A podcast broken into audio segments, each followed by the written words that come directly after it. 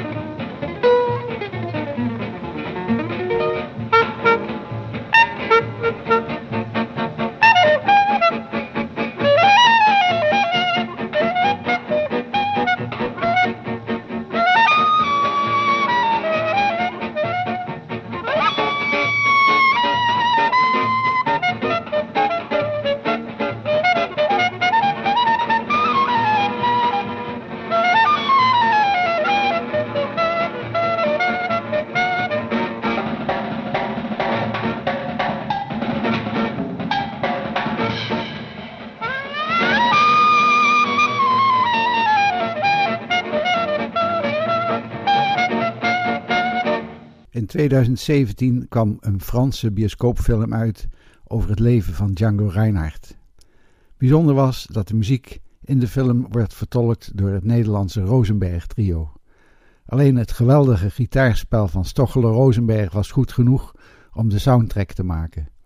Dat gaf wel een probleem, want net toen de opname zouden starten, brak Stocheloos een pink bij een stomme val over een stoeprand.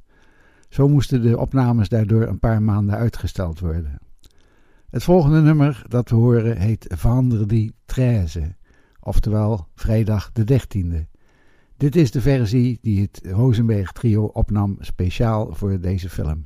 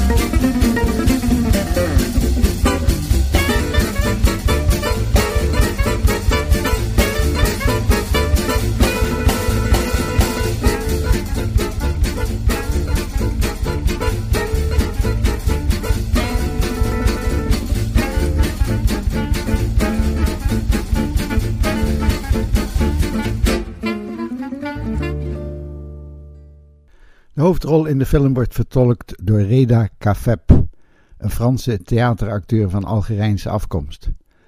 De film gaat niet over het hele leven van Django, maar richt zich op de periode van de Tweede Wereldoorlog in Parijs. Dat was een zeer moeilijke tijd, niet alleen voor Reinhard, zijn kwartet en zijn familie, maar vooral ook voor alle Sinti-zigeuners in Parijs, waar de vervolging van Joden en zigeuners stap voor stap erger werd. Django Reinhardt was in die tijd echt een beroemdheid. Bij de uitbraak van de Tweede Wereldoorlog in 1939 treedt het quintet op in Londen. Stefan Grappelli blijft de gehele oorlog in Londen en wordt de halve ook alleen maar even genoemd in de film. Django reist hals over kop terug naar Parijs, naar zijn familie. Het nummer uit de film dat we nu beluisteren heet Merham Sinti en wordt gezongen door de Frans-Armeense zanger Dan Garibian, begeleid door het Rosenberg Trio.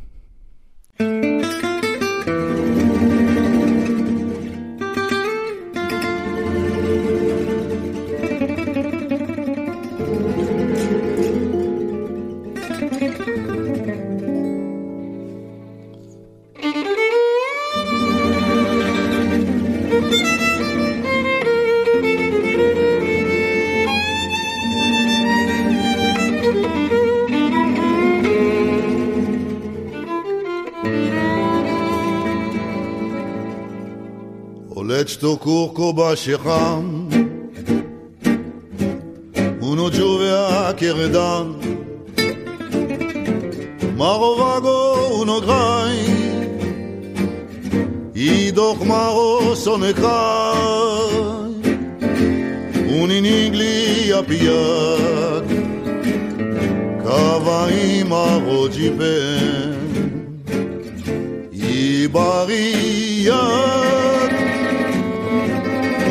champion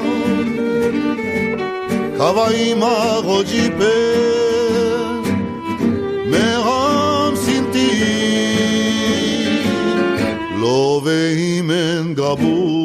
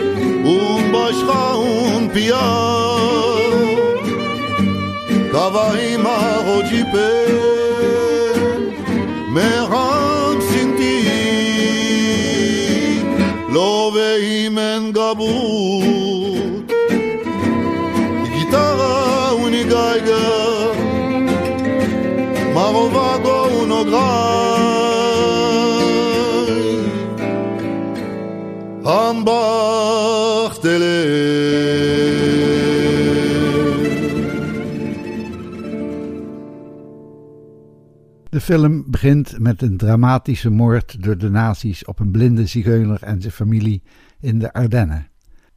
Het verhaal gaat daarna naadloos over in het beeld van een onbezorgd vissende Django Reinhardt in Parijs, afgewisseld met beelden van een ongeduldig publiek dat op zijn optreden zit te wachten. Iedereen lijkt zich vreselijk druk te maken op één persoon na, Django zelf. Dat tekent Django's karakter in de film. Hij laat zich niet gek maken. Hij gaat het liefst zijn eigen weg. Hij wilde zich zo min mogelijk met de verschrikkelijke oorlog bemoeien, maar de oorlog bemoeit zich wel met hem. Hij kan er onmogelijk aan ontsnappen. En we luisteren nu naar het prachtige Django Reinhardt nummer Tiers.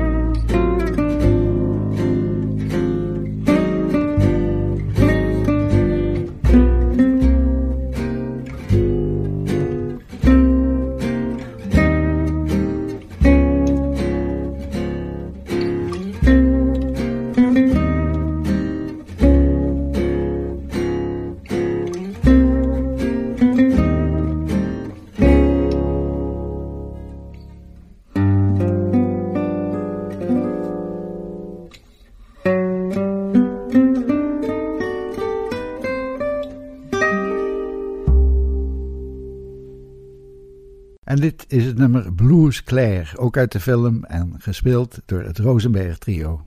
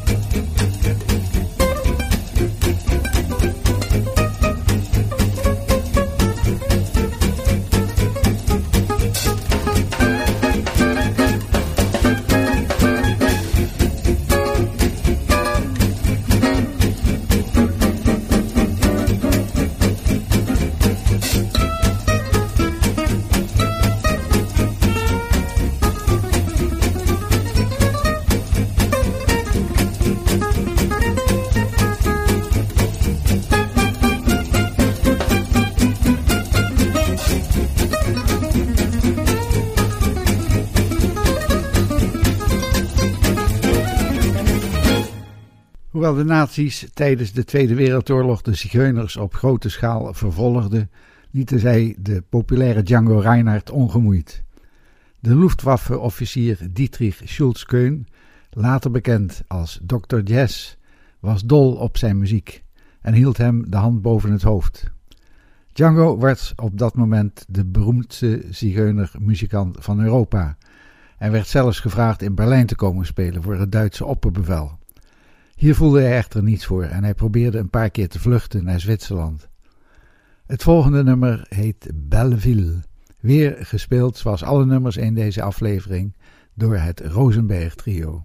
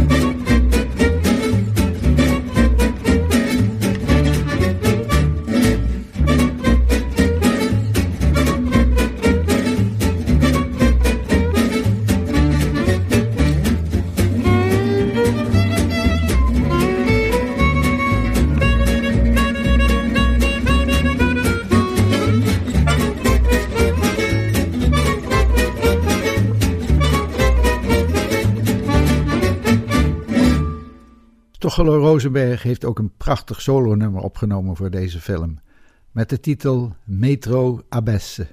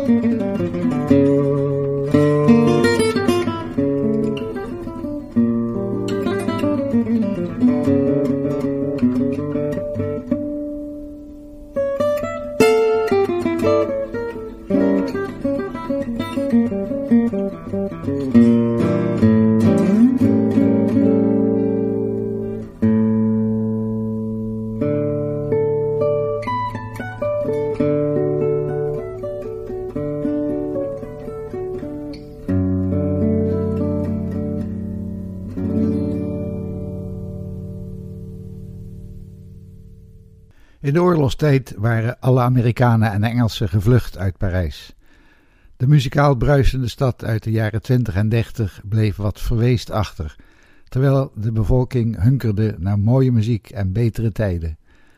Juist voor Django Reinhardt, die volop doorging met muziek maken en albums opnemen, gaf dat volop ruimte. Hij was populairder dan ooit en verkocht ook heel veel platen.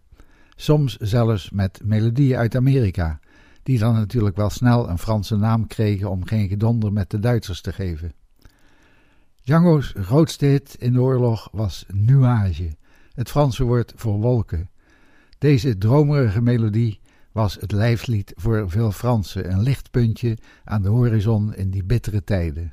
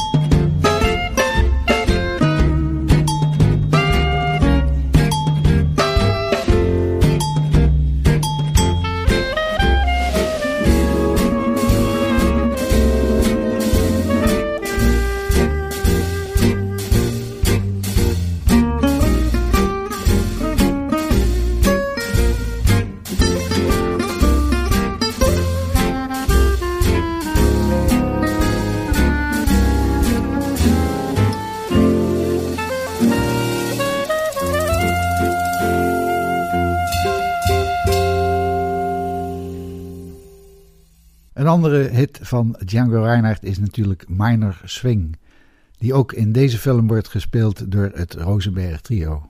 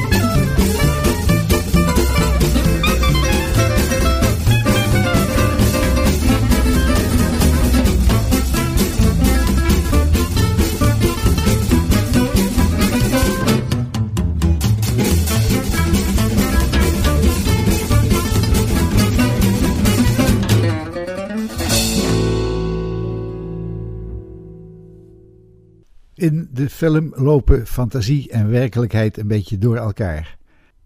Dat is ook het artistieke recht van een filmmaker. Die moet soms ook een film maken op basis van flarden van informatie. Bovendien hangt er ook altijd een zekere magie rondom Django Reinhardt. Veel mensen hadden een eigen interpretatie van zijn persoon, zijn spel en zijn carrière. De film geeft een beeld van hoe het had kunnen gaan in de oorlog over de worstelingen en dilemma's van mensen en de rare mix tussen geweld en vermaak in Parijs. Dit levert een hele boeiende film op, waarbij je een mooi beeld krijgt van die tijd.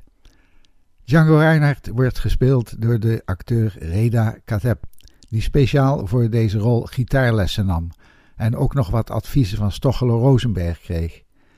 Daarmee komt hij best geloofwaardig over als virtuoze zigeunergitarist.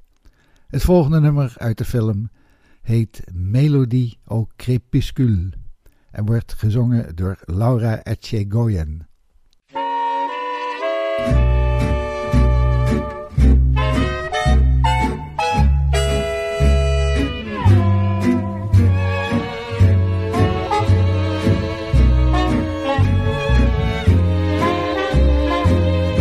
Un chant d'amour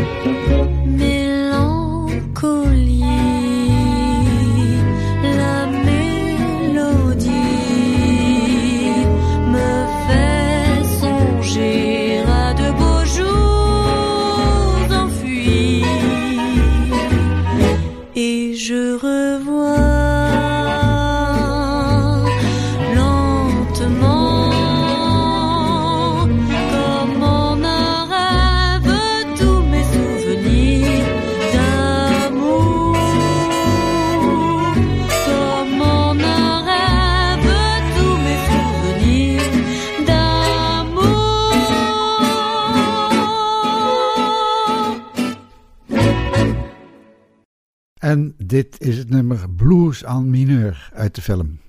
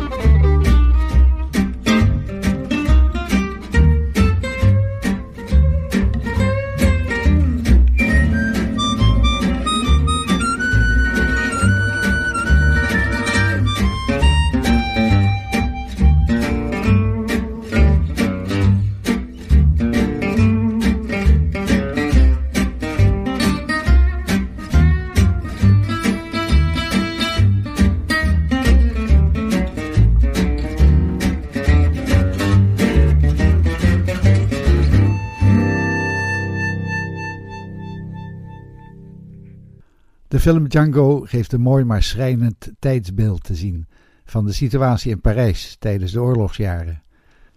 Hoe leefden de zigeuners in die tijd? Hoe keek men tegen zigeunerjazz aan?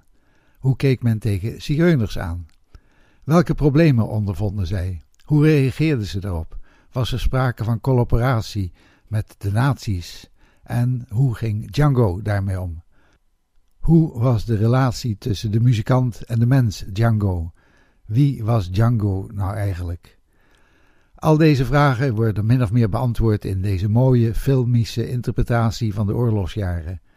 De film eindigt met een verhaal dat Django een compositie maakte voor een kerkorgel.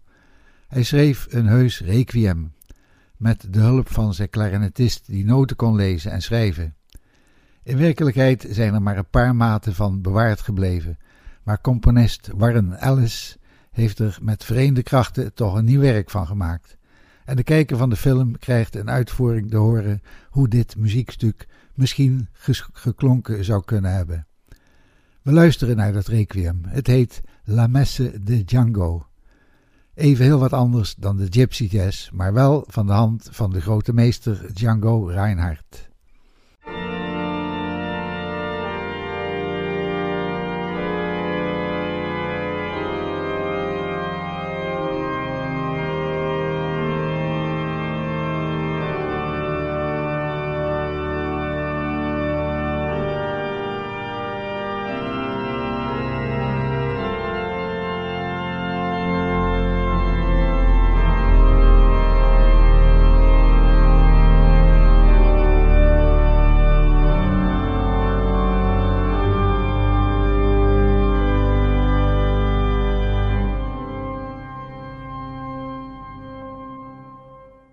Toen de oorlog afgelopen was, ging Django weer naar Londen om nieuwe opnames te maken.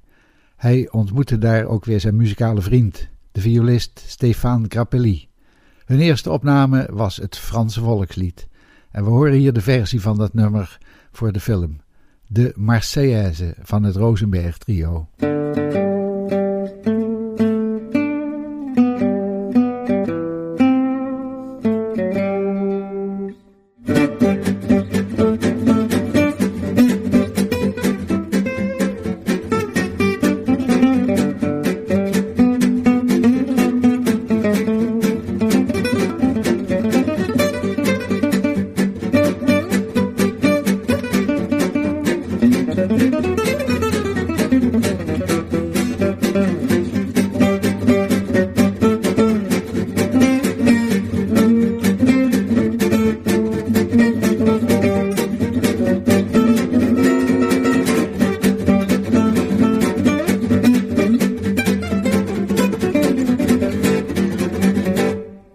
Van Gypsy Jazz houdt, moet je gewoon deze film gezien hebben. En heb je niets met Gypsy Jazz, dan blijft het nog steeds een intrigerende film over die periode. Een film die zeker de moeite waard is. Tot slot gaan we luisteren naar die heerlijke Django-klassieker uit de film, Manoir de mes rêves. En daarmee sluiten we deze aflevering van de Gypsy Jazz podcast van Studio 040 af. Bedankt voor het luisteren en tot de volgende keer. thank you.